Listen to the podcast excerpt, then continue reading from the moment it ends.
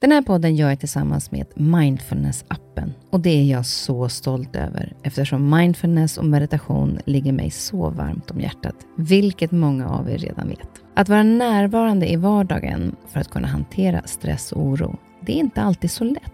Då kan man ha mindfulness-appen nära till hands för att hjälpa dig när du behöver. För mig kan det vara så till exempel när det gäller sömnen, att vissa dagar då har jag riktigt svårt att komma till ro. Framför allt när det är mycket med jobbet. Då brukar jag använda mindfulness-appen och avsluta dagen med en avslappningsövning för att sänka stressnivån. Det gör det så mycket lättare för mig att somna sen. Oavsett om du kämpar med sömnlöshet, stress eller bara behöver en stund för dig själv så har Mindfulness-appen verktygen för att hjälpa dig att slappna av och sova bättre. Appen är utformad för att passa in i din livsstil med korta övningar som passar även de hektiska schemana. Som lyssnare till Nyfiken på så får ni 40% rabatt på prenumerationen av Mindfulness-appen. Länk till erbjudandet ja, det hittar ni i poddens Instagram, kaspersen nyfikenpa. Eller så går ni in på themindfulnessapp.com kristin. Välkommen till min podd Nyfiken på. Här får jag chansen att möta människor som jag är nyfiken på utifrån deras historia, kunskap eller erfarenheter. Människor som jag inspireras av och förhoppningsvis kan vi med det inspirera er. Och om ni gillar avsnittet får ni jättegärna dela det så fler får chansen att lyssna och det ger mig också möjligheten att få spridning på podden så att jag kan fortsätta länge att bjuda in människor till roliga och intressanta samtal. Glöm inte att du också kan gå in och prenumerera eller följa podden så missar du inte när avsnittet släpps. Veckans gäst är journalisten och författaren Pamela Andersson. 2012 så drabbades hon av en hjärntumör och hela livet fick en tvärvändning. Med envis träning, positivt tänkande och en kropp som tog emot behandlingarna så gick hon emot det statistiken pekade på, att hon hade max fem år kvar att leva. Hon jobbar för tidningen Topphälsa, skriver böcker och brinner för träning och hälsa. Jag är nyfiken på hennes mentala styrka och hur hon hittade den kraften att ta sig igenom så svåra behandlingar. Pamela har med sin fantastiska energi och jävlar anamma inspirerat mig i många år och jag hoppas att ni blir inspirerade efter det här samtalet om rädsla, envishet, mod och livet.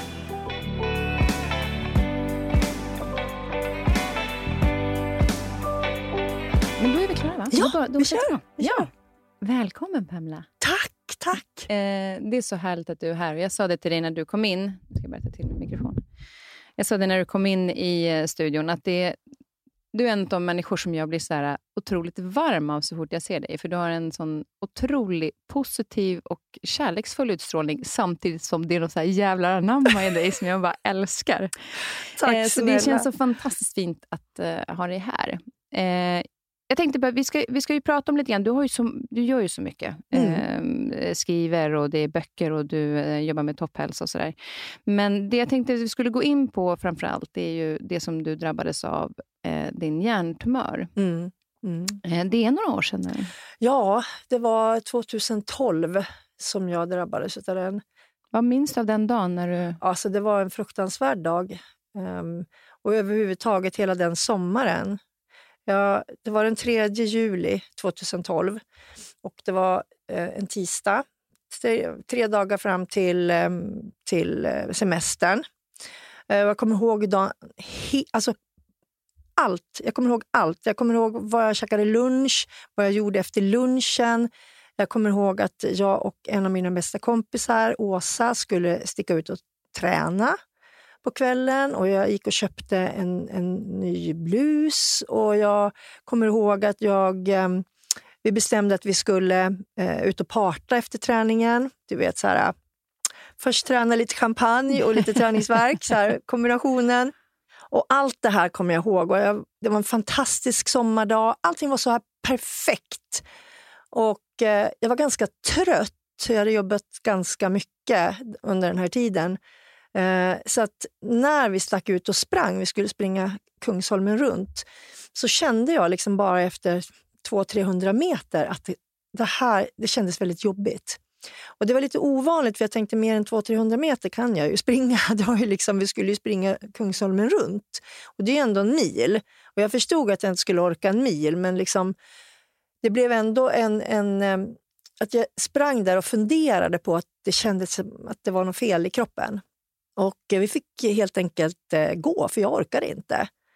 Och då, jag kommer ihåg att vi gick då efter Norr strand i Stockholm. Och helt plötsligt var det som att jag blev bländad av solen. Så att jag, liksom, jag tog några snedsteg åt höger.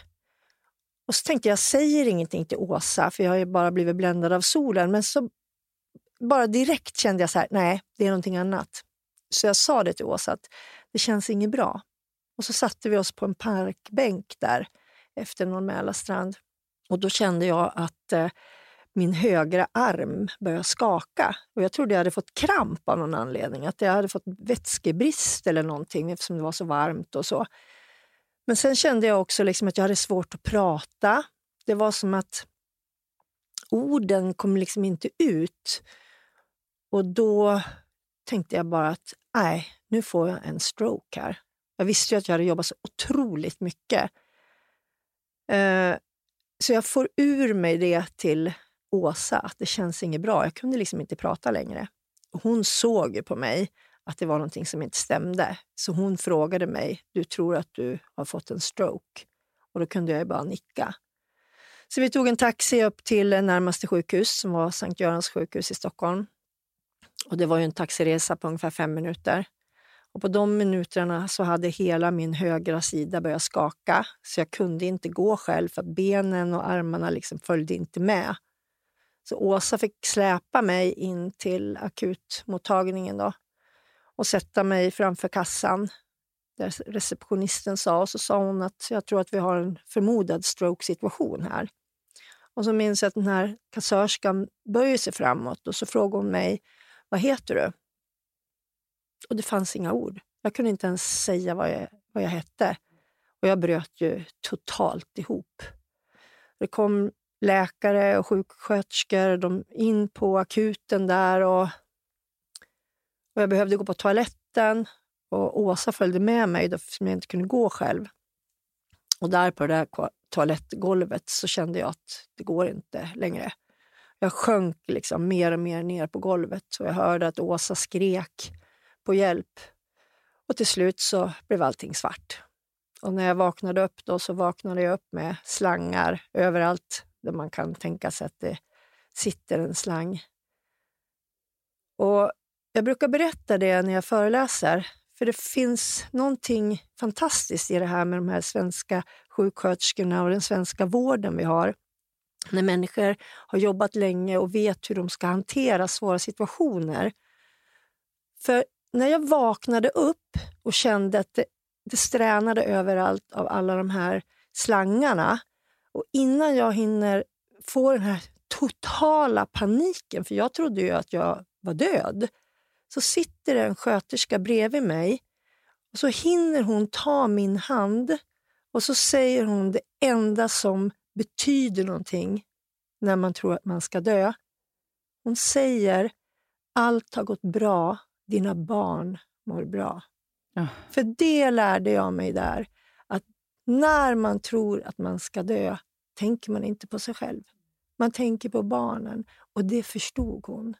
Och det var, det var så fantastiskt att möta en sån... Och hur viktigt det är att få det som första... Som första. Allt har gått bra, dina barn mår bra. Mm. Sen kom, du har haft ett grovt epileptiskt anfall.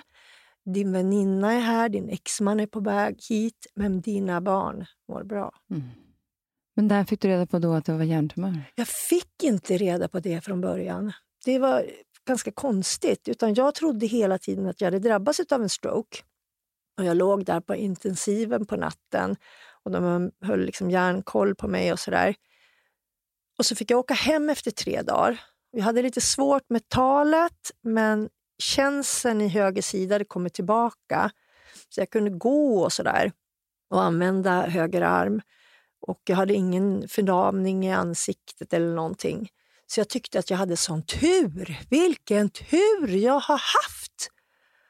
Så att efter tre dagar fick jag åka hem och så säger de så till mig att nu kommer de att ringa från Karolinska om några veckor. För det är de som tar hand om, om det här. Eh, och jag åkte hem på en fredag då. Och på måndagen ringer de från Karolinska. Och det var ju lite väl tidigt.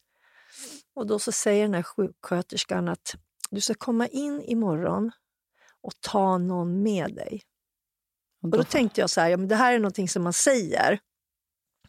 Men när hon sa det tre gånger under samma samtal så kände jag bara så här, det här kommer inte bli ett bra samtal uppe på Karolinska. Och då hade de alltså redan förstått att det var... De hade redan sett på röntgenplåtarna, men de sa ingenting till Nej. mig. Utan det är Karolinska som har hand om hjärntumörer, inte Sankt Göran. Ja, just det. Ja, när jag kom upp till Karolinska då, då fick jag ju den här fruktansvärda smällen rakt i ansiktet. Då hade det gått en vecka sedan jag föll ihop. Och det, jag hann liksom inte ens sätta mig i princip. Utan de, de bara kom. Du har en tumör i huvudet som vi aldrig kommer att kunna operera bort. Och det sa de på en gång? Ja. Och det var liksom som... Då hade jag Åsa med mig, eftersom jag skulle ha någon med mig. då. Mm. Alltså jag, jag bara satt där. Det var så tur då, Åsa är också journalist som jag, att hon kunde ställa frågorna. För att jag var ju bara i chock. Det enda jag kunde säga det var liksom, hur länge får jag leva? Och så får jag det här tillbaka att det vet vi inte. Men vad var det som gjorde att man inte kunde eh, få bort den? Vad var det för typ av... För vissa tumörer kan man ju operera bort. Ja, och man kunde, alltså min tumör den hade brett ut sig och förmodligen legat så länge och sakta växt i mitt huvud utan att jag hade märkt någonting. De tror att den hade varit där kanske i fem år. Och då hade den kommit in i olika viktiga funktioner i hjärnan. Så att om de skulle kunna operera bort den så skulle jag bli en grönsak och det gör man ju inte. Utan de kunde bara, den var stor som ett ägg. Så de kunde bara plocka bort ungefär två centimeter av den här äggstora tumören utan att skada. Den låg i talcentrum bland annat. Men att, att du har haft den i vad de tror då, fem ja, år. Ja. Och hade du aldrig märkt någonting innan? Alltså jag märkte faktiskt ett, ett halvår innan, men jag tog det som eh, stresssymptom eftersom jag hade så otroligt mycket. Jag var ju faktiskt chefredaktör för två tidningar under en period där och eh, jag jobbade otroligt mycket. Samtidigt hade jag skilt mig, jag hade sålt mitt drömhus. Alltså, det var hände otroligt mycket i, i min värld just då. Så jag tänkte bara att jag var stressad för jag kände att jag tappade ord och att det liksom inte kom ut som det ska, att jag stammade till eller det kom ut konstiga ord. Men jag, och de kunde skratta åt mig. När jag skulle säga ja, men pryl så kunde jag säga eh, banan. Alltså det var helt galna saker, precis som att jag var helt disträ. Och, och, barnen skrattade och jag skrattade också fast jag hade den här känslan av att äh, jag håller på att jobba mig in i väggen här. Och det var bara det jag tänkte. Och Det var ungefär en, ett halvår innan. Men då hade ju den här tumören börjat stöka till. Och påverka just talcentret? Ja, ja precis. Ja. När, du, när du fick den här hjärntumören, var, blev det operation då ganska snart inpå och behandling? Ja, alltså jag hade sån tur att jag träffade en kirurg då som sa till mig att jag kan operera dig imorgon om du vill. Men vi har någonting nu som heter funktionell magnetröntgen där vi, vi kör den ungefär två, tre gånger per år där vi kan se närmare på tumören. Och då kan jag också operera närmare så långt in jag kan. Men det är upp till dig om du vill vänta, för då måste du vänta ungefär 6-7 veckor innan vi, vi kan göra det här. Och då så valde jag att vänta och eh, leva med de här... Jag fick epilepsi, jag hörde saker i hjärnan hela tiden. Det var lite märkliga grejer. Liksom. Men jag valde att vänta, vilket jag är otroligt glad för. Och Det tycker jag någonstans är en sån, eh, alltså, sån så här, din insikt att, i att vänta. För själv tänker jag så här, nej men ta bort den för fan ja, bara. Ja. Alltså, så här, jag vill inte att den ska sprida sig mer och den paniken att gå och vara rädd mm, sex mm, veckor. Mm. Men att ändå ta ett sånt beslut som också visade vara rätt beslut. Ja, ja. men jag såg ju på honom också liksom att han tyckte att det var bra och att jag skulle kunna klara det. Sen så fick jag restriktioner vad jag fick göra då innan. Jag frågade honom till exempel om jag fick träna.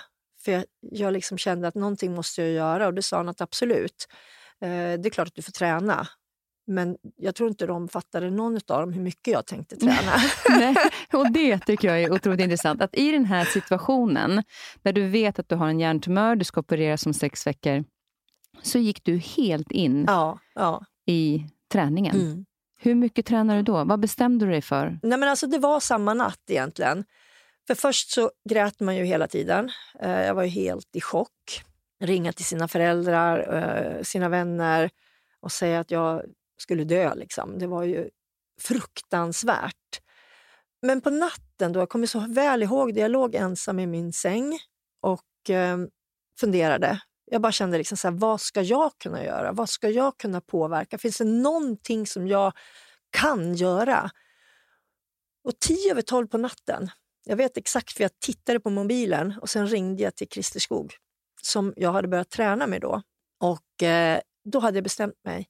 Jag tänkte det enda jag kan påverka är min egen kropp. Och eftersom jag är gammal idrottstjej i, grunden, även om jag inte hade tränat så mycket sedan jag fick barnen, så tänkte jag liksom, det var som att jag kastades tillbaka. Att jag vet ju att om man är stark fysiskt så ofta blir man ju också ganska stark psykiskt. För när man tränar så blir ju hjärnan glad. Så att jag sa det till, till Christer då att jag vill att du ska träna mig så att jag blir så stark som det någonsin går att bli innan den här operationen. Du har sex veckor på dig och jag kan träna hur mycket som helst. Men jag får inte bli sjuk och jag får inte bli skadad. För, det var ju liksom, för då var det för sent, så att säga. Och då så sa ju Christer till mig att ge mig sex veckor och jag ska förändra ditt liv. Och det kan man ju säga att ja, han det gjorde. kan man ju verkligen säga att han gjorde. Han, ja, vi kan, det, är inte, det är inte bara din tränare, utan ni är ju också gifta idag. Ja, precis. Jag det är så ja, Det så- så jag brukar faktiskt säga det, att det är Christer som har räddat mitt liv. För jag tror inte att jag har levt om jag inte har eh, träffat honom. Mm. Och han eh, är ju tränare. Ja, om det bara hade varit jag så skulle jag ha liksom, tränat sönder mig. Då har jag blivit skadad. Efter en vecka så har jag inte klarat av det. Men han är ju expert på det här så att han la ju upp ett träningsprogram som gjorde att det var mycket lågintensivt. Långa promenader i skogen, allting utomhus, cykel, eh, löpning i vatten, i bassäng. För att jag var så otränad. Eh, så jag tränade i sex till, tre till sex timmar om dagen. tränade jag. What? Det är ju så Ja. mycket. Ja, men jag tog semester. Ja. Så att jag liksom behövde ju inte göra det och jobba samtidigt. Eh, De ville ju att jag skulle sjukskriva mig eftersom jag hade hjärntumör men jag kände liksom att nej, men då känner jag mig sjuk. Jag tar min semester. Jag skulle ändå jag ha semester. säga det, du var ju sjuk så du kunde ju varit sjukskriven. Ja. Men du tog semester. Jag tog semester ja, för att jag, skulle, jag ville inte förknippa mig med att vara sjuk. Men för det har man också hört många säga att jag vill inte vara min sjukdom. Nej, precis. Och det var viktigt för dig. Ja, det var det. För jag visste ju jag ska ju ändå ha semester. Jag tar den nu. För sen kommer jag ändå bli sjukskriven eller dö. Det var ju liksom, det var ju bara så. Och efter de här sex veckorna så hade du blivit ganska stark. Alltså, från början så var det så här, jag, alltså jag fattade ju liksom inte utan jag ville ju bara köra som jag gjorde på handbollstiden liksom hemma i Hudik. Så bara, hur mycket ska jag springa? Hur fort? Och han bara, ursäkta, du är så dåligt tränad. Liksom, din kondition räcker till för att leva men inte så mycket mer. Jag var så dåligt tränad. Så att vi börjar ju sakta och det tror jag liksom, det jag gjorde, eh, det kan alla göra. Alla, om man bara lägger tid på det. Det är de här liksom två timmar ute i skogen och gå. Det tyckte inte jag var någon träning. Men det, det var ju det som gjorde mig att jag orkade sex timmar om dagen. Eh, och när det var dags för operation, jag har aldrig varit så stark i vuxen ålder någonsin. Och det var ju också en bra känsla för mig. För när jag kom in då och skulle liksom opereras så visste jag att jag har gjort allt. Det finns ingenting som jag liksom har bara struntat i eller glömt eller inte hunnit med. Jag har gjort allt. Det var en känsla som gjorde mig trygg. För nu kände jag att nu kan jag lägga över det här till läkarnas, i läkarnas händer. Nu är det deras sak Mm. att göra allt vad de kan. För jag har gjort mitt. Och där hade du då, kände du också då att du hade stärkt upp eh, dig fysiskt men också mentalt? Ja, precis. För jag, alltså man tänker extremt mycket när man tror att man ska dö. extremt mycket. Jag tänkte mycket på framtiden. Jag gjorde lådor till mina barn där jag stoppade ner minnessaker, dagböcker, eh, viktiga saker, varsin stor låda hela tiden. Eh, jag tänkte mycket på hur de skulle kunna komma ihåg mig. Och det var det är fortfarande så att jag blir så berörd, för det är ju den största skräcken. Att eh, försvinna från sina barn. Så är det, när de är så små. Mm. Mina barn var, när jag drabbades, fem och åtta år. Och det är mm. alldeles för tidigt för att lämna sina barn. Det kände jag också. Eh, vi tog bilder tillsammans och, så att de skulle se mig innan jag blev riktigt sjuk, det vill säga tappa håret eller bli smalare och smalare eller vad nu skulle hända. Tjockare och tjockare för den delen också, för man blev så svullen av all kortison och sånt där. Eh, så det jobbade jag ganska mycket med att, att göra, men framför allt så la jag allting på träningen. Och det som var så häftigt när jag tänker tillbaka på den tiden, det var ju liksom, man tänker att det här skulle vara den värsta sommaren i ens liv. Eh, det värsta året i ens liv. Och det är klart att det var fruktansvärt. Men just den här träningen gjorde ju att man kände sig glad. Och jag blev och göra kär. det mitt i det här. Ja, ja, och jag blev kär i Christer i den värsta stunden i mitt liv. Det, och liksom det är också fascinerande, för det säger man ju många gånger att just när man är öppen och sårbar ja, ja. så är man också öppen för de positiva känslorna när Precis. du har de sorgkänslor. Ja, för då är liksom hela känslospektrat så öppet. Och jag kände också den här kärleken som jag fick från alla mina vänner som vågade komma till mig. Jag hade hört så mycket om att eh, man ser vilka som är ens riktiga vänner när det händer någonting. Och det gör man. Det fanns vissa vänner som faktiskt inte orkade. Eh, men många som jag kanske hade trott inte skulle orka, eller som jag kanske inte var jättenära, de ställde upp på ett fantastiskt sätt. Och jag är så tacksam för det.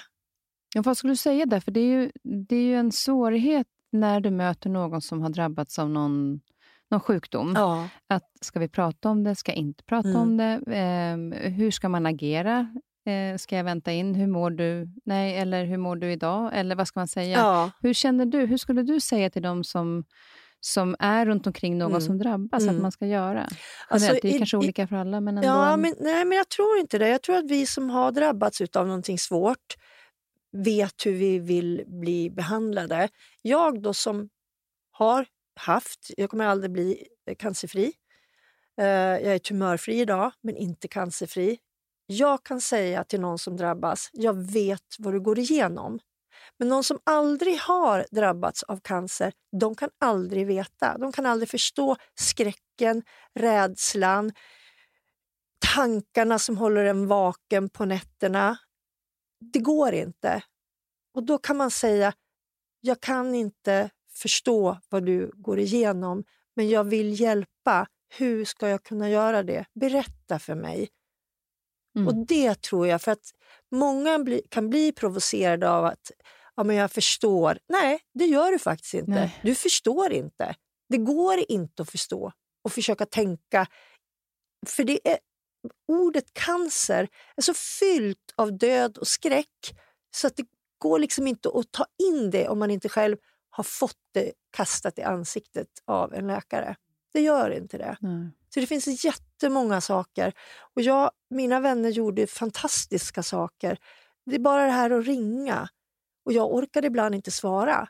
Då fick jag ett sms. Jag förstår att du inte orkar svara. Det gör ingenting. Jag ville bara ringa och säga att jag tänker på dig. Ring nu då, om du orkar. Och så fortsatte de, för jag ringde aldrig tillbaka, för jag orkade inte. Men bara den här att Ge inte upp. Bara ge inte dåligt samvete. Jag fick Utan något... bara visa, att man finns där. Jag finns där. Jag finns här. Tänkte på dig. Hoppas du har det bra. Sköt om dig. Ring när du orkar. Eller, jag tänkte åka och storhandla idag. Behöver du någonting? Vill du låna min bil? Alltså sådana där saker. Det... Enkla saker i vardagen som betyder Jätte... stor skillnad för ja. er. Jag menar mina arbetskollegor till exempel hyrde in en, en som kom och städade min lägenhet bara som en ö- överraskning. Inga blommor, utan någon som... Och det, var, alltså det var helt fantastiskt, för jag orkade inte det. Nej, och det finns ju många saker man kan göra. Jag har en väninna som drabbades för ett och ett halvt år sedan och tyvärr så somnade hon in bara för några dagar sedan. Eh, men vi var också väl flera som inte var jättenära henne. Mm. Och vi alla kände så här, vad kan vi göra? Mm. Vi är ju inte de som ska åka hem till henne, för hon är också infektionskänslig och sen kom ju coronan. Eh, men man vill ändå visa att man är där. Och hon behövde ju testa olika alternativa varianter och så. Så vi startade ju ett konto där vi liksom samlade in, några hade så autogiro 200 kronor i månaden. Men för henne så gjorde det och hennes familj Ja. en enorm skillnad. Och vi sa att nu, nu, när den här, nu är den här resan tyvärr över, men på något sätt så har man i alla fall gjort det vi kunnat och vi har sett att det gjort skillnad. Mm. Så även om man inte är nära. Mm. Och Jag hörde om en annan som, eh, en god vän till mig som fick leukemi. Och hans, han har klarat sig bra, men när han var på sjukhuset hade hans kompisar köpt ett Playstation till honom. Ja. Så att han satt på sjukhuset och spelade Playstation och de satt hemma, Ja. så kunde de vara tillsammans Ja, i alla fall. Så det finns ju olika saker som man kan göra, även om man inte alltid är nära. Mm. Eller bara så enkelt som att skicka ett sms.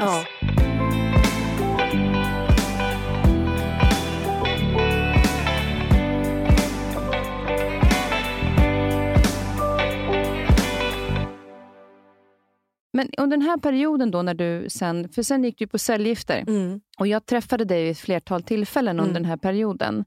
Eh, och Ett jättetydligt minne är från när vi var på ett event, ett julevent. Eh, och Jag minns precis var vi stod någonstans. För du, du var den som strålade mest och du hade precis då gjort någon cellgiftsbehandling. Mm. Och så stod vi och pratade om, hur vi, och vi känner inte varandra jätteväl Nej. sen tidigare, men, men jag gick fram och pratade med dig i alla fall. Och då så sa du att jag har sån värk i kroppen eh, Mm. av cellgifterna. Men vet du, det är så bra, för då jobbar de. Ja. Då kämpar de här cellgifterna, så att det får göra ont. Mm. Och jag bara, wow. Alltså, här står du på ett event, har sån värk i kroppen och det du tänker bara, att, ja, låt dem jobba. Ja. Ja, men jag kommer ihåg det där också. Jag, eh, det var ju på, på slutet, till slut så orkade ju inte kroppen längre. Jag fick ju det som kallas för skelettdepression.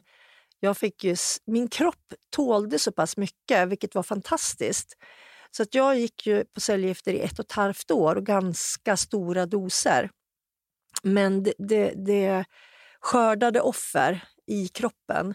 Men precis som du säger, det var ju så jag tänkte. Ju ondare jag har, desto mer slåss de här cancercellernas tillbaka utav cellgifterna. Så att eh, på slutet var jag ju så dålig så att jag inte i pr- princip kunde komma ur sängen. Utan jag, fem meter orkade jag gå, sen så fick jag sätta mig och sådär.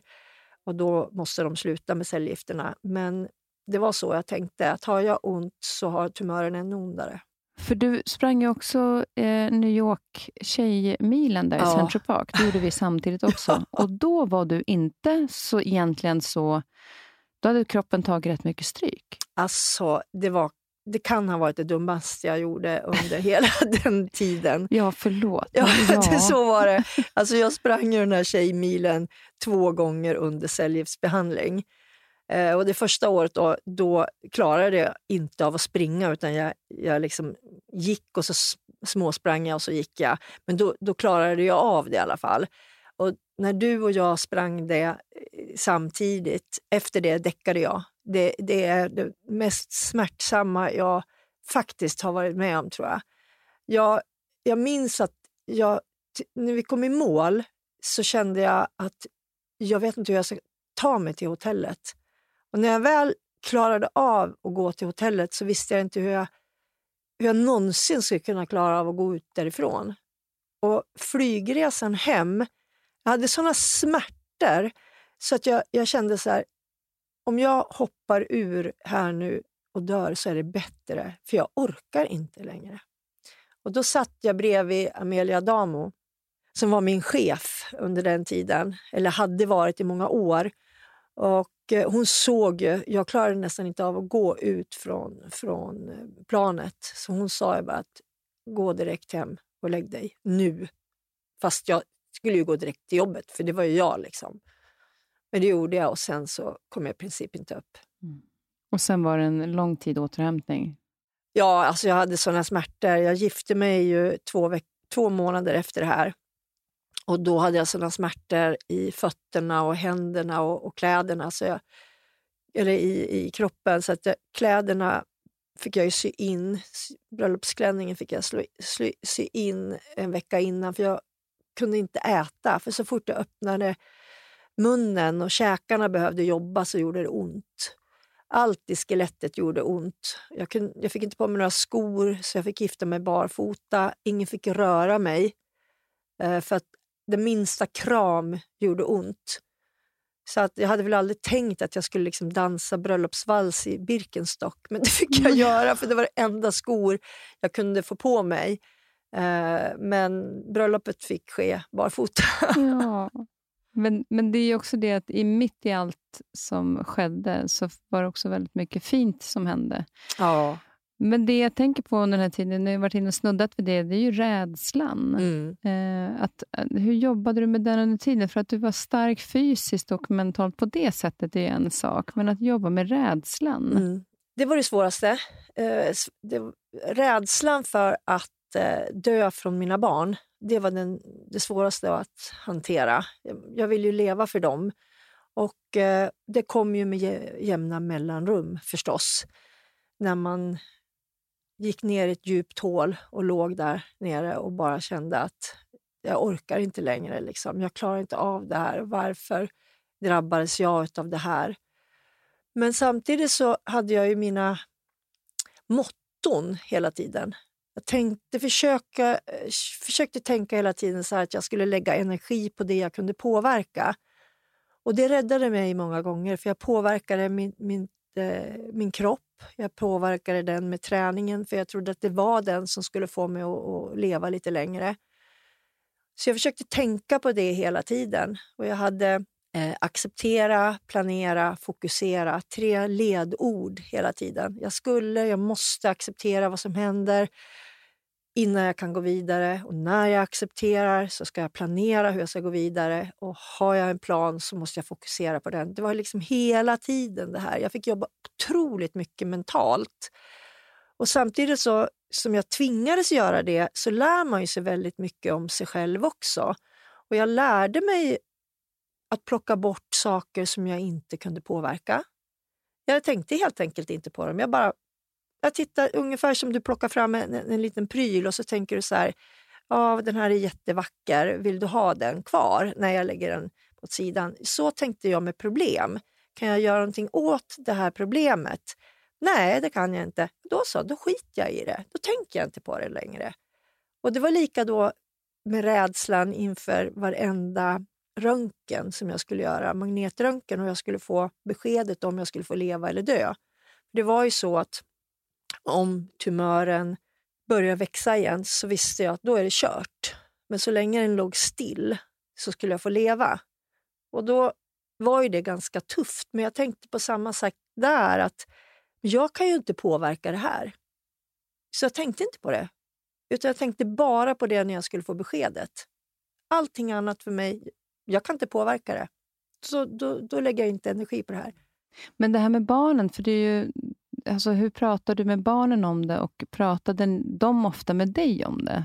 Nej, det gjorde de inte. De var lite för små. Och dessutom så lärde jag mig från en sjuksköterska att eh, barn behöver ofta inte få långa förklaringar. Om de ställer en fråga, svara, men svara ganska kort. Det är inte som om du skulle ställa en fråga för mig så kan jag prata i fem minuter och Mm. förklara och liksom beskriva. Och, utan de, eh, som min Jo- John sa när, när det, det här uppdagades och jag grät och han grät och var helt förtvivlad så frågade han mig, mamma ska du dö? Och då skulle jag kunna säga och beskriva, men det kommer att bli så här. Alltså, nej, då sa jag bara, nej, jag ska inte dö idag. Eller jag sa inte ens nej, jag sa, jag ska inte dö idag. Och jag ska inte dö imorgon heller. Punkt. Bra, då, då hade han fått sitt svar. Mm. Sen var det liksom, får jag en glass? Alltså, Mm. det är liksom, man måste lära sig lite. Och jag, fick, jag tog all den hjälp jag kunde på alla olika sätt. jag sög in all information från människor som kunde, som sjuksystrar eller kuratorer eller smarta människor. Och så försökte jag tänka, kan jag använda det här på något sätt? Ja, det kan jag göra i den här situationen. Men just det där att inte prata för mycket med barnen, det, och det blev väldigt bra tycker jag. Så jag, jag tror inte att de kommer att få så höga eh, räkningar från terapeuter i framtiden. Jag tror jag har klarat det ganska bra. Men det är klart att de har också varit rädda, framförallt eh, min son. För han mm. var ju äldre, han förstod ju mer än vad Valentina gjorde, som bara var fem. Så han har ju varit liksom rädd om mig och sådär på ett annat sätt mm. än vad hon har varit. Och Du skrev ju också sen boken som också heter Jag ska inte dö ja. idag. Och den, eh, har den betytt mycket just för här bearbetningen under, under processen? Ja, alltså den boken var ju egentligen terapi för mig. Och Sen så har ju den blivit väldigt stor, den har sålt väldigt bra och jag är jättestolt över den. Men, men den var tuff att skriva för jag var ju så fruktansvärt rädd då. Det var ju väldigt tidigt in i det här. Jag hade inte gift mig, jag, hade liksom, jag visste inte om jag skulle leva ett halvår till, ingenting. Så att eh, den boken skrev jag. jag hade, alltså som författare hade jag någon fantasi om att man skulle sitta på någon härlig eh, resort och skriva med ett glas vin och liksom på kvällarna gå ner på stranden. Alltså du vet, Det var ju vad jag såg framför mig. Och Jag testade det, men det funkade inte alls för mig. Utan jag skrev den boken i barnens rum, på deras skrivbord, på, mm. på deras lilla stol med alla gosedjur och eh, alla liksom, leksaker runt omkring mig. För Hur klarar det, man det? Ja, men för, jag gjorde ju egentligen inte det, för jag grät ju hela tiden jag skrev. Jag hade liksom en stor rulle med papper och så hade jag vatten och så grät jag och skrev, grät och skrev. Det var liksom det som jag gjorde. Men för mig var det... Jag, jag ville vara så nära dem som jag kunde, även om de gick på dagis eller skolan. Eller, men jag kände att där, här är jag. Jag är här. Jag är i deras rum. Jag finns här. Och jag ska inte dö idag. Nej, och jag ska inte dö idag.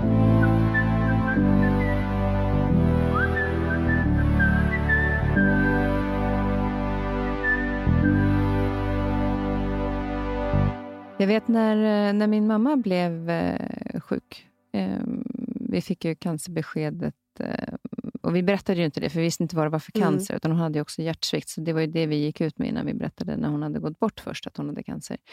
Men då var jag, under den här månaden då när hon låg på sjukhus, så var jag och föreläste mm. med er. Och då berättade du en situation för mig när du hade fått ett brev hem som skulle egentligen gått till Försäkringskassan. Ja. Ja, vad fruktansvärt. Jag ryser när jag tänker på det. Eh, jag hade en dust faktiskt med Försäkringskassan eh, med en man som ringde till mig och sa att han tyckte nog inte att en hjärntumör var så farligt så att han skulle sänka min sjukpension när jag då var sjukskriven. Och Jag blev så fruktansvärt arg av hans attityd också. Att han, han till och med sa, fast det handlar ju egentligen bara om några hundralappar, men jag kände bara så här, det är inte okej. Okay. Så att jag eh, bara blev tokig. Liksom. Och Då sa han att han, ja, men för att jag, jag skulle få de här hundralapparna extra varje månad då, så krävde han ett intyg från läkaren hur pass sjuk jag var. Så då fick jag ringa till min läkare och säga det att kan du skicka ett, ett intyg på att jag verkligen har hjärntumör och att det är faktiskt ganska farligt. Och Då kom ju det här brevet hem till mig och det stod ju då från Karolinska så jag trodde ju att det var liksom en kallelse eller någonting. Men det var ju då det här brevet och då fick jag ju läsa det som ingen hade sagt till mig.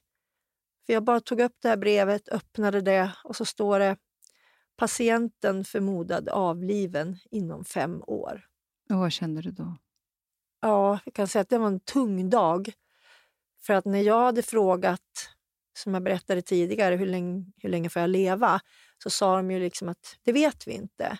Och jag hade frågat flera gånger tid, tidigare också och då hade min kirurg sagt att det är ingen idé att vi sitter och, och gissar.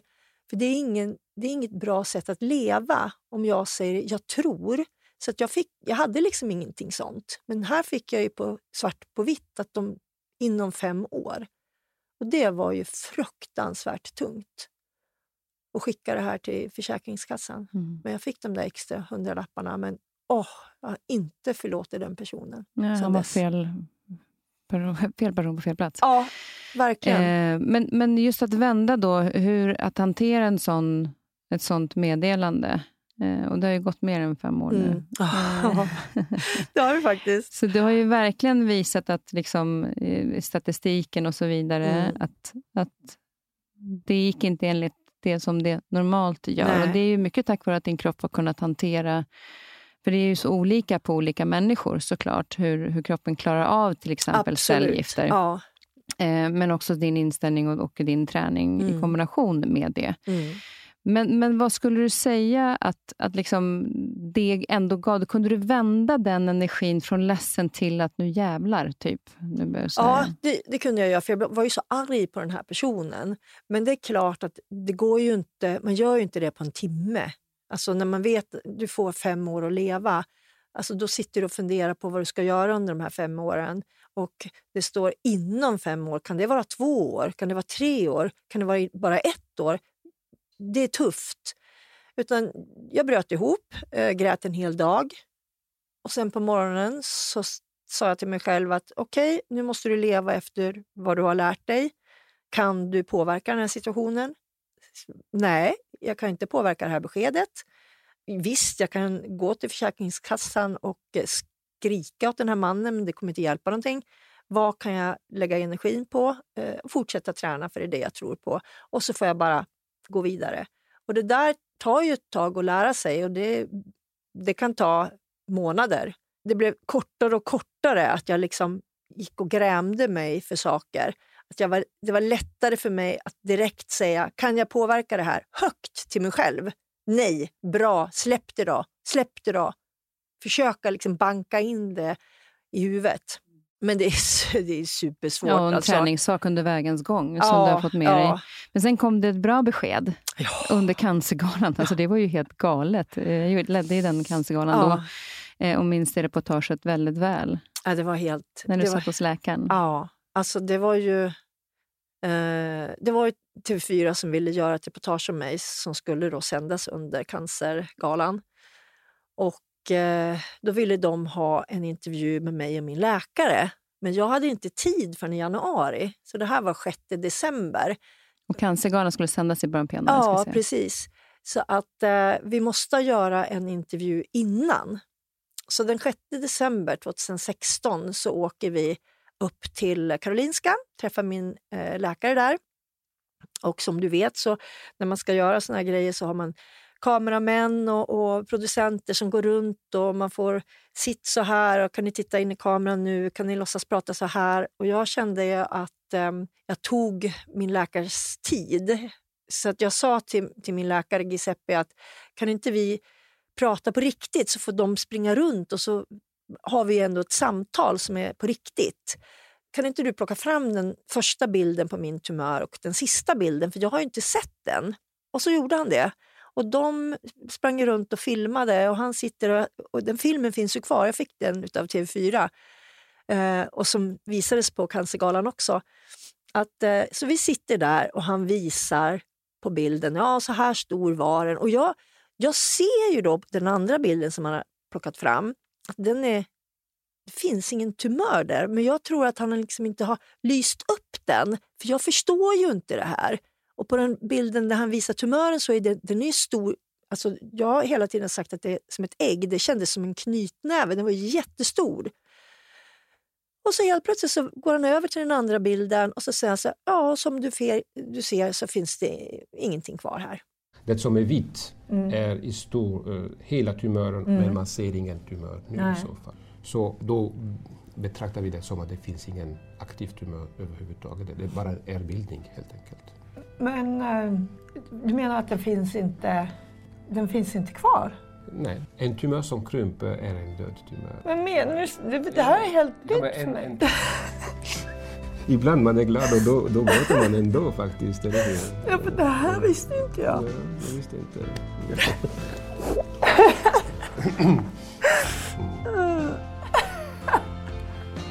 och det här finns på film. För jag känner, jag ser blicken att jag inte förstår. Jag förstår inte vad han säger. Och jag säger ju så här till honom att ja, men jag, för, jag förstår inte. Nej, det som inte finns, säger han. Och, så, och då bryter jag ju mm. ihop mm. totalt. Och tårarna bara kommer. Och jag liksom... Nej, det, var, det var helt, helt galet. var det. Och kameramannen, jag minns att han sa efteråt att det här är häftigaste jag har filmat mm. någonsin. Liksom, du får beskedet när jag står och filmar. Det är inte så här fake, det är inte nu låtsas vi att det här var så här, ingenting. Och sen så fick jag reda på att ja, men jag har ju skrivit kontrakt, vi ska inte prata om det här för en galan och det är en, en månad. att gå och vara tyst om att eh, tumören var borta? Alltså det var helt... Och jag förstod det, så jag sa att nej men, jag måste kunna berätta för min man. Ja, det kan du göra. Liksom. Men du vet, när jag sitter i taxin på väg tillbaka till jobbet, så jag ringer Christer, jag ringer min mamma, jag ringer en av mina bästa kompisar. Ingen tror på mig. De tror inte på mig. De säger så här, Christer säger, men älskling, den kan inte bara försvinna. Och jag bara, jo den kan visst försvinna, den har försvunnit. och mamma sa exakt samma. Nej men älskling, den, går, den kommer aldrig att kunna försvinna. Ja, du vet, så mm. Och så kommer jag upp på jobbet och så vet jag, jag får inte prata om det här. Så jag kommer in på min redaktion och alla vet ju att jag var iväg. Och så står jag bara där och så ser de här sju personerna sitta och titta på mig. Vad är det? Och jag bara, den är borta. Och du vet, alla bara bryter ihop och börjar gråta och skrika och skratta. Och jag bara, jag får inte berätta det här! Så vi stängde dörren och min redaktionschef Helene hon sprang ut och köpte champagne, två flaskor äkta champagne. Och vi, alltså det var helt galet. Och så fick jag vara tyst och ända till galan. Men det gjorde ingenting då. Nej, då hade jag ändå berätta fått... för några i alla fall. Vilken resa! Ja. Och, men, men det du säger idag är att tumören finns inte, men du är inte cancerfri. Nej. Vad betyder det? Ja, enligt läkarna betyder det att de inte vet eh, om den kommer tillbaka. Och Det här är tydligen så pass ovanligt att den bara liksom försvann. Den skulle aldrig kunna försvinna. Så de kan inte säga någonting. Utan det min läkare säger att ju längre tiden går så minskar risken att det kommer en ny. För han säger det att den gamla, den finns inte. Men det finns ju ett utrymme för att i så fall kommer en ny. Och Det är det som jag menar till exempel i min andra bok, Två hål i huvudet och ett mirakel.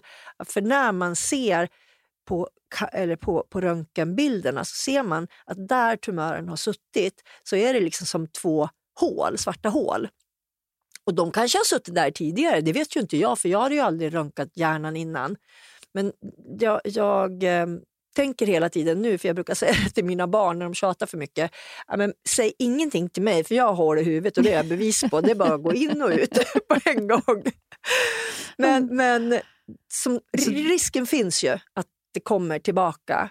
Men du eh, behöver inte behandlas under tiden? eller äta Nej, någon... jag äter ju eh, Keppra som är en medicin för epilepsi.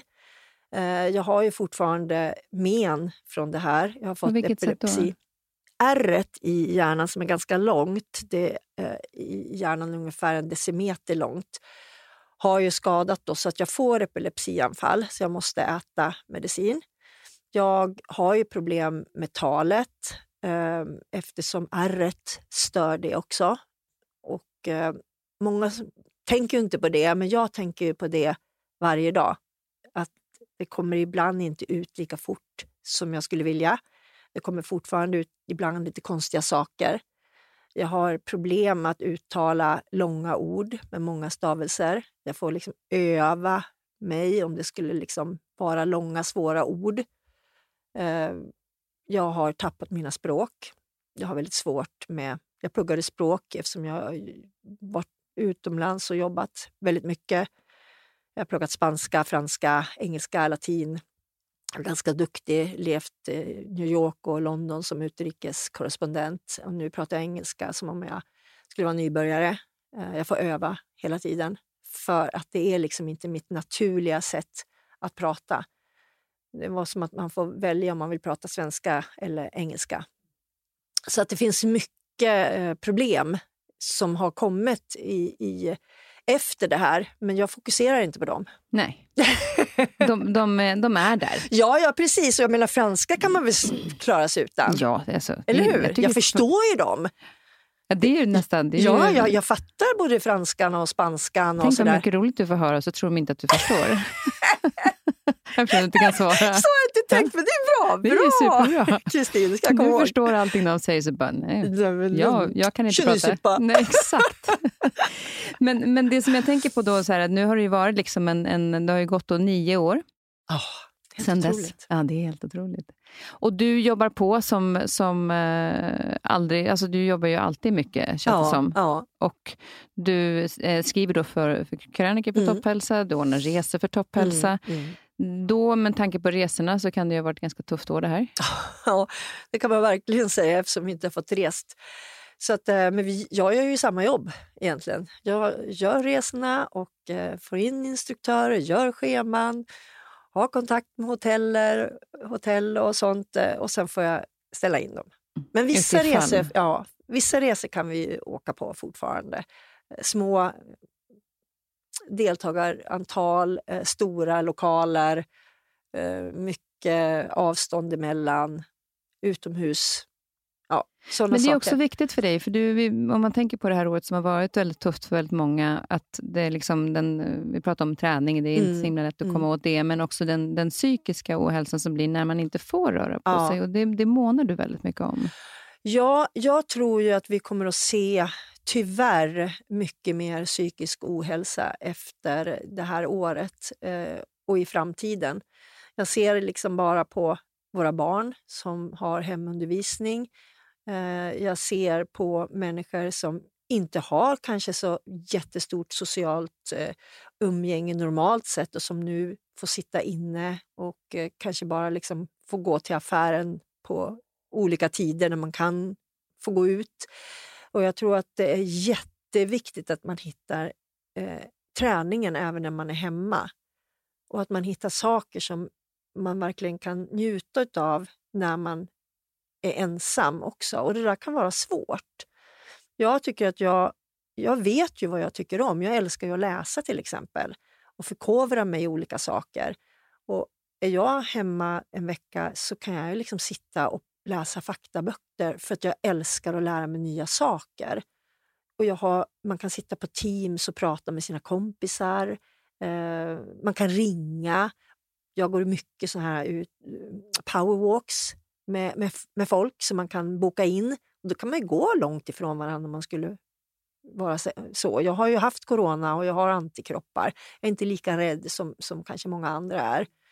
Men sen vet man ju inte, man vet ingenting. Nej, man får anstränga sig verkligen. Och det, jag är inte så rädd för det här med att vara själv. Och jag ehm, känner ju själv att jag har klarat det bra. Ja, Just det här, ja. Vad kan jag påverka, vad kan jag inte påverka? Eh, jag har ju stickat mycket ja. genom åren. Och så gjorde jag det väldigt mycket i höstas. Och bara, till tyckte jag det var så himla tråkigt. Och då, så nu har jag börjat virka. virka istället? Jag har lärt mig virka via Youtube. Så nu virkar jag massa såna här, jag kompisar som får barn.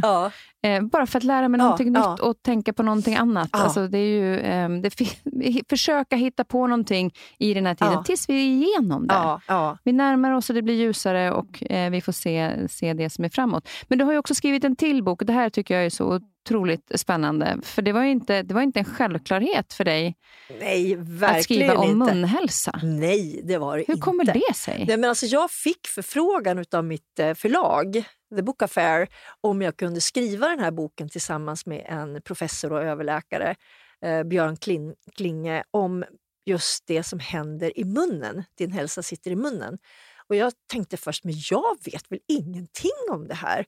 Och så började jag att eh, läsa igenom. Jag läste hans forskning och eh, forskare skriver ju på ett speciellt sätt så det var lite svårt att förstå allting helt enkelt.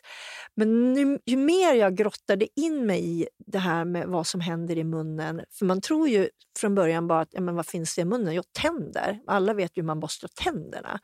Men det finns ju så mycket annat som ja, men påverkar. Du, när, när, du sa det eh, så började jag titta lite grann och läsa inför. Ja. Och, eh, för jag tänker ju, kanske som många andra, att jag borstar tänderna för att och tar hand om munnen eftersom jag inte vill tappa tänderna. Ja, alltså, ja. Man vill ha en bra ta ja, tandhälsa man vill lukta egentligen. lite gott. Liksom. Ja. Ja. Men, men vad är det mer som kan hända om du har en dålig eh, munhälsa? Nej, men alltså, det påverkar ju hela kroppen. Alltså, det påverkar hjärtat, eh, diabetes, det, det påverkar otroligt mycket över hela...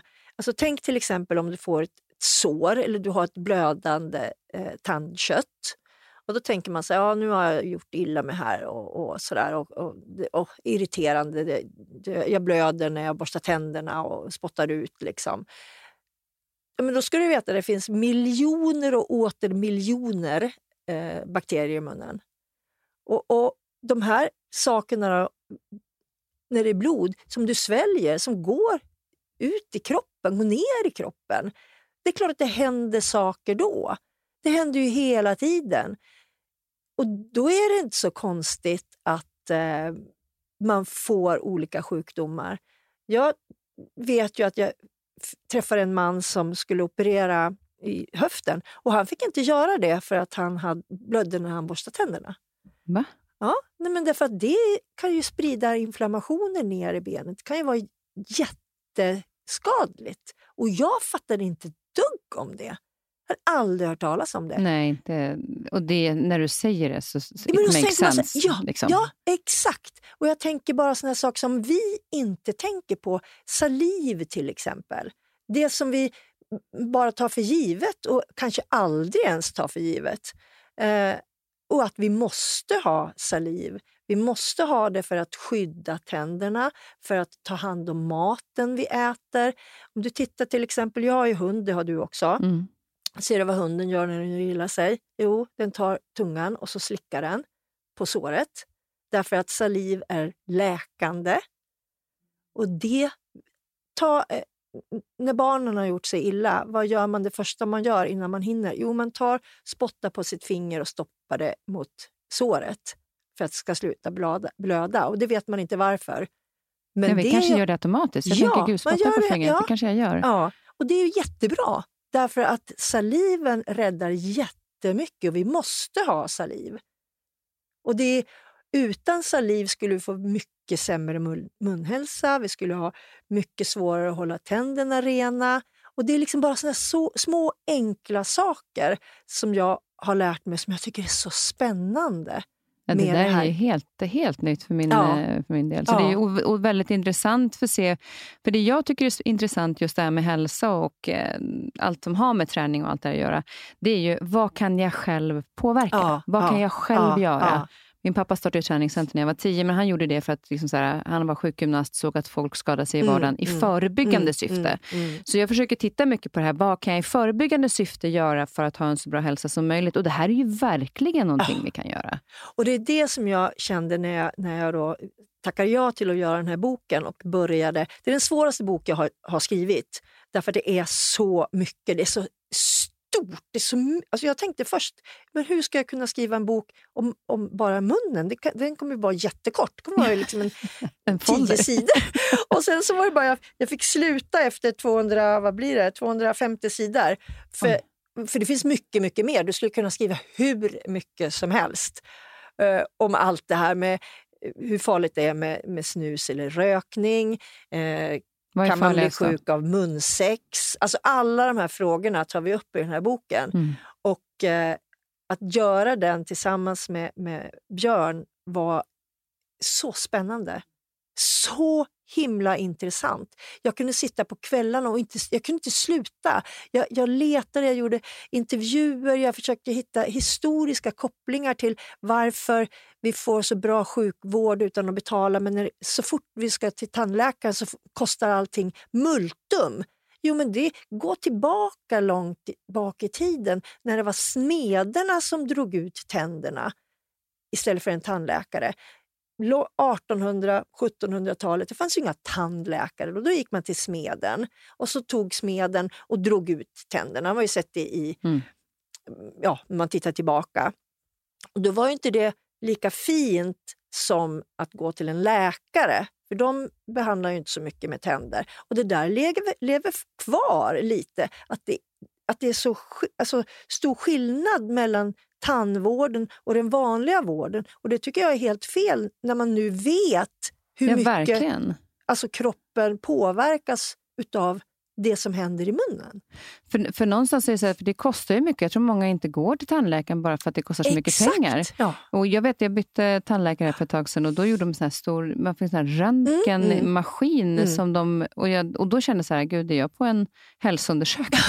Ja. Men vilket var ju då, som när du berättade det här, otroligt eh, intressant i den, den Ja, aspekten. ja. Att, att det faktiskt handlar om en hälsa och Mm. inte bara att rädda tänderna. Nej, nej. Och sen så finns det ju, de, och det drabbar ju ofta äldre, parodondit, det vill säga tandlossning. Och det får de flesta äldre eh, därför att skelettet blir lite mjukare och sådana här saker. Eh, och, men jag drabbades också för ett och ett halvt år sedan. Att helt plötsligt så fick jag lösa tänder. Och då blir man ju panikslagen. För jag menar, är det någonting som man inte vill är ju att ha en mun där det fattas tänder. För det blir ju också estetiskt liksom, hemskt för en själv. Men då så tror de nu att det är de här röntgenstrålarna förstås som gick rakt in i hjärnan när jag skulle, eller när jag skulle strålas eh, för att liksom, få att eh, tumören skulle stanna av. Det misslyckades då. Eh, men rakt in i hjärnan gick det och luckrar upp det här benet på, på vänster sida vilket gör att jag har fått plocka bort fyra tänder. Så det är just också på den sidan? Ja, Så att, och då tänkte jag mer så här, nej men gud, det kanske är därför som jag har fått den här tandlossningen. För jag har alltid varit så här supernoga med att borsta tänderna och sådär. Men nej, men det, det kanske har någonting helt, med någonting helt annat att göra. Men vad ska man göra då om man ska försöka hålla så bra munhälsa som möjligt? Och göra det, för att jag, eh, helt ärligt ska jag säga att jag vet att jag ska använda tandtråd varje dag och jag gör inte. Och jag vet ju att det är bra. Liksom. Ja, jag får ja. inte in den rutinen. ja. Eh, vad ska man göra för oss som, som eh, är så... Ja, inte Och det är tar- det som är så häftigt, är så därför att det är så enkelt. Ja. Jag menar, när man säger så här, hur ska jag göra för att gå ner 10 kilo? Ja, men det kan vara jättesvårt. Eller hur ska jag göra för att bra kondition? Det kan vara jättesvårt. Men hur ska jag göra för att liksom främ, främ, främja min munhälsa? Det är superenkelt. Det är liksom att borsta tänderna två gånger om dagen. Att använda, om man har liksom tätt mellan tänderna, såna här mellantandborstar. Att eh, använda tandtråd. Men det behöver man inte göra varje dag. Men att man eh, borstar tänderna två minuter. Eh, och att man ibland, om man vill, ha sån här skölj, fluorskölj Mm. till exempel. Men det är egentligen lite mer estetiskt. Man kan inte liksom ta det och tro att man har borstat tänderna. Utan det är kanske mer för att man ska känna sig lite fräsch och, och dofta lite godare. Och det måste man komma ihåg att det finns en skillnad. Mm. Men det, det liksom räcker. Då har du gjort det du kan. Så det är så enkelt. Det är så enkelt. Och blir man väldigt nyfiken på det här så, så finns ju eh, alla dina böcker. Det här är ju Det sitter i munnen. Ja, ja. Eh, och sen har du då din bok Jag ska inte dö idag och Två hål i huvudet Mm. och ett mirakel. Mm. Eh, hittar man ju på Adlibris Ja, Bokus och ja, där böcker Ja, finns.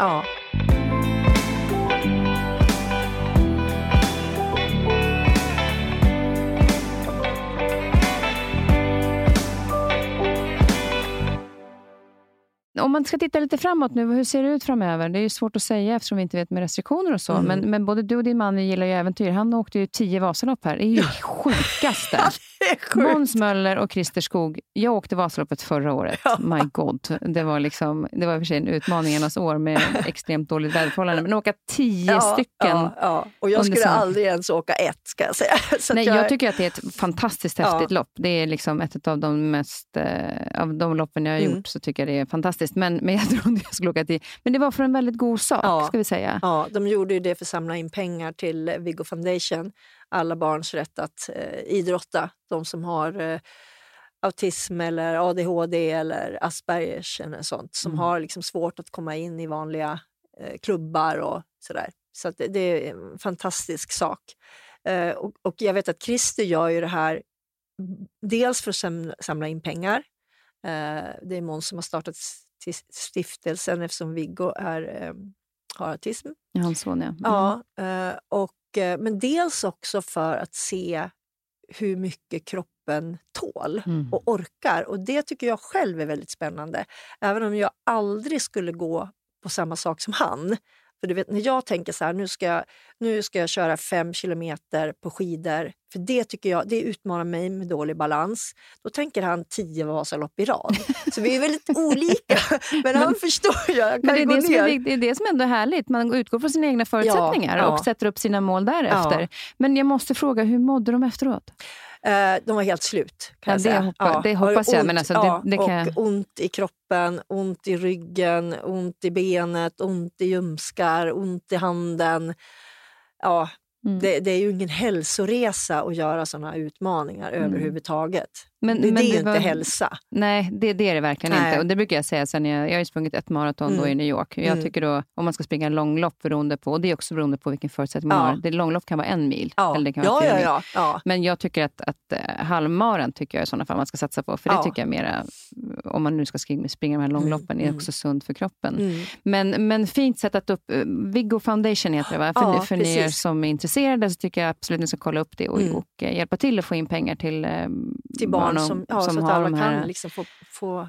Det går ju till läger för barn och deras familjer som ska under en vecka, eh, brukar vara en sommarvecka, eh, mm. kan Så lära fint. sig till exempel att cykla. Många kan ju inte det. Inte Sånt som man tar för givet. Ja, mm. precis. Mm. Så jag tycker det är jätte, jättebra. Eller lära sig simma, lära sig kråla, lära sig vandra, sådana saker. Klättra. Jätte, jättebra. Härliga, härliga äventyr för de här ja. barnen. Och, Men jag har liksom inga såna där du frågar hur framtiden ser mm. ut. Uh, är det någonting jag har lärt mig är att jag aldrig vet någonting om framtiden. Uh, och från början när jag blev sjuk så var det liksom en dag i taget. Och sen så blev det en månad i taget och sen så blev det ett halvår i taget. Men det där sitter i. Att jag känner inte liksom så att uh, ja, men nu ska jag göra det här, nu ska jag göra det här. Om ett år vill jag göra så här. Utan jag tänker nog bara så här, jag vill eh, leva med mina barn och min familj. Jag vill eh, ha roligt. Jag vill glädja andra människor. Jag tycker om att eh, ge andra människor hopp. Det gör jag via mm. att jag är ambassadör för Cancerfonden också. Och det ger mig väldigt mycket.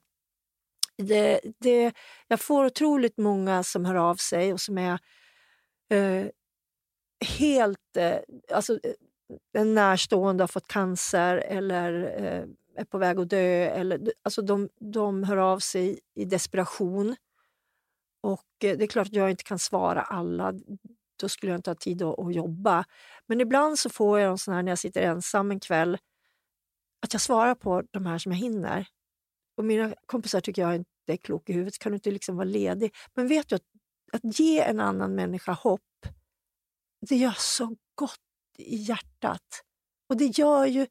Alltså om jag tar fyra timmar och svarar på människor som är desperata och jag kan ge dem någonting. Förstår du hur det känns? Mm. Jag såg bara häromdagen på ett Instagram och där var det någon som nämnde mig. Att hon har gett... Alltså, jag blir så jävla glad och känner att det är det finaste man kan göra. Att För ge du en vet människa. ju, precis som vi pratade ja, förut, du vet ja. hur det är att vara där. Ja. Ehm, och Det är därför jag också kan tänka mig att många hör av sig till dig. För ja. att just att sökandet efter någon som verkligen förstår. Ja. Eh, och Det är ju det som är fint, att man har en drivkraft på något sätt. Ja, att, ja. att, även om man inte sätter upp ett mål längre fram, men att man har någonting som, som gör att... Ja. jag vet, jag hamnade i ett mellanläge. Jag, har inget, eh, jag hade inget fast jobb, jag, barnen börjar bli stora. Det är inget, jag ska inte ta hänsyn till dem, för de vill åka på semester med mig. Nej, de vill vara med sina mm. kompisar och sina flickvänner. Alltså, så och bara insåg att jag har inget mål framåt. Jag har inget så här, och då var det väldigt viktigt för mig att sätta upp någonting mm, mm. som gör att man har en, en drivkraft mm, i någonting mm, för att mm. känna att livet är mm, här. Livet är roligt och det finns, jag lever nu men det finns en framåtrörelse. Och det har ju du i alla de här delarna som du engagerar i. Och det, där hittar vi det ju på olika sätt. Ja. Och Det är så fantastiskt fint. Ja. Eh, innan vi avslutar nu, för vi, jag, jag, kan ju prata med dig hur länge som helst. Detsamma. Eh, det, jag är lite nyfiken. Ja, vad är du nyfiken på?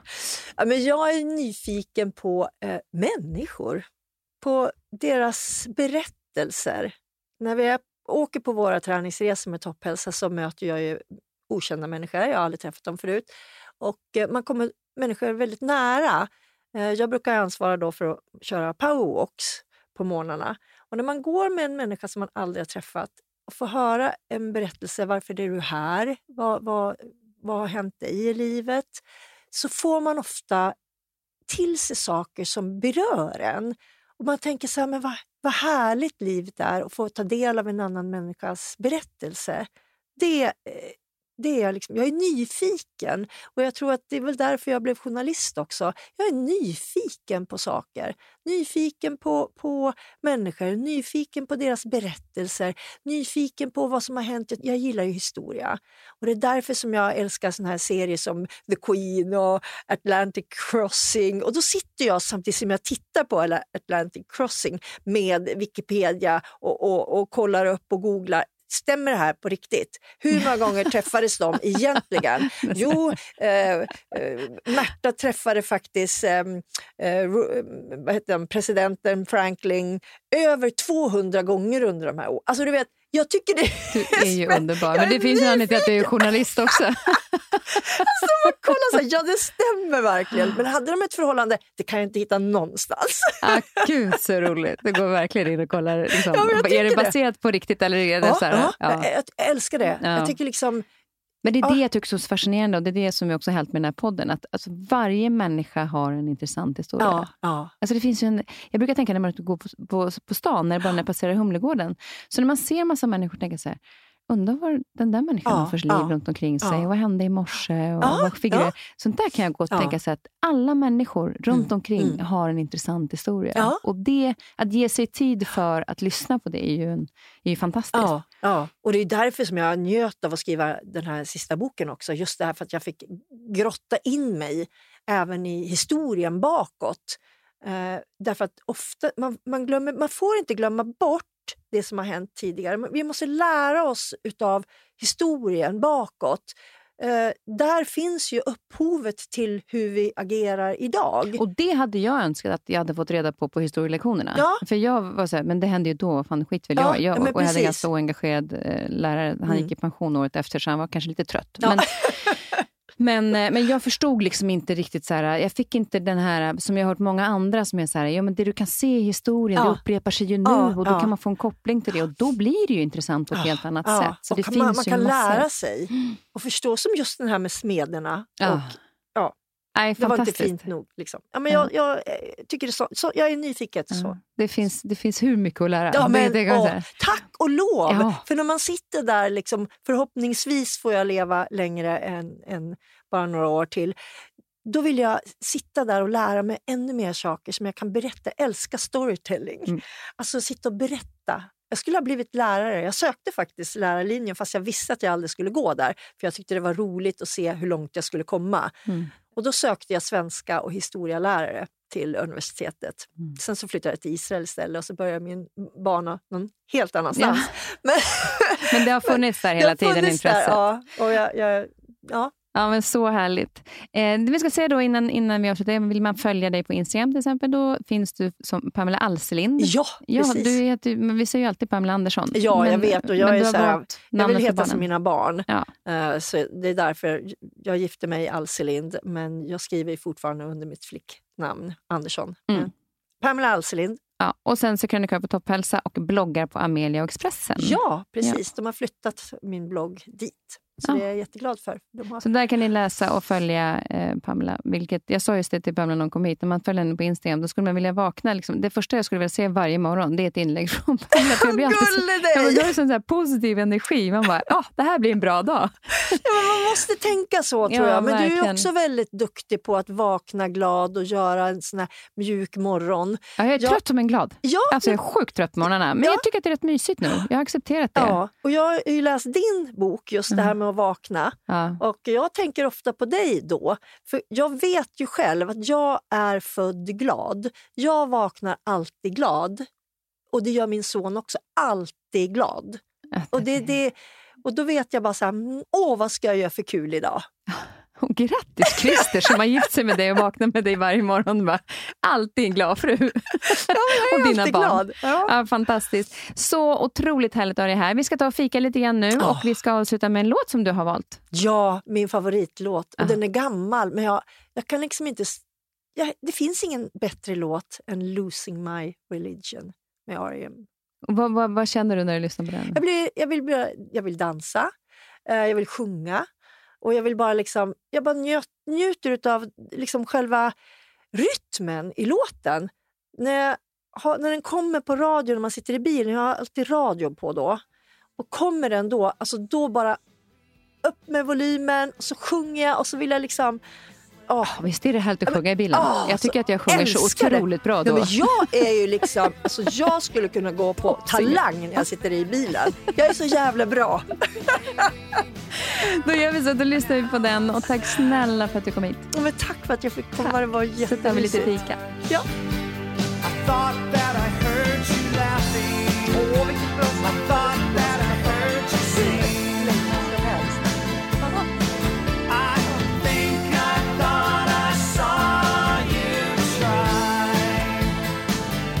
Nästa vecka får jag besök av dietisten Sofia Antonsson som är specialist på maghälsa och IBS.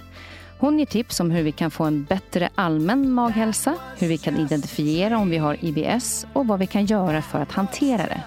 Hon berättar också om hur stress påverkar vår maghälsa och hur otroligt viktigt det är att ha rätt tarmflora för att inte drabbas av olika sjukdomar. Så var med oss nästa vecka.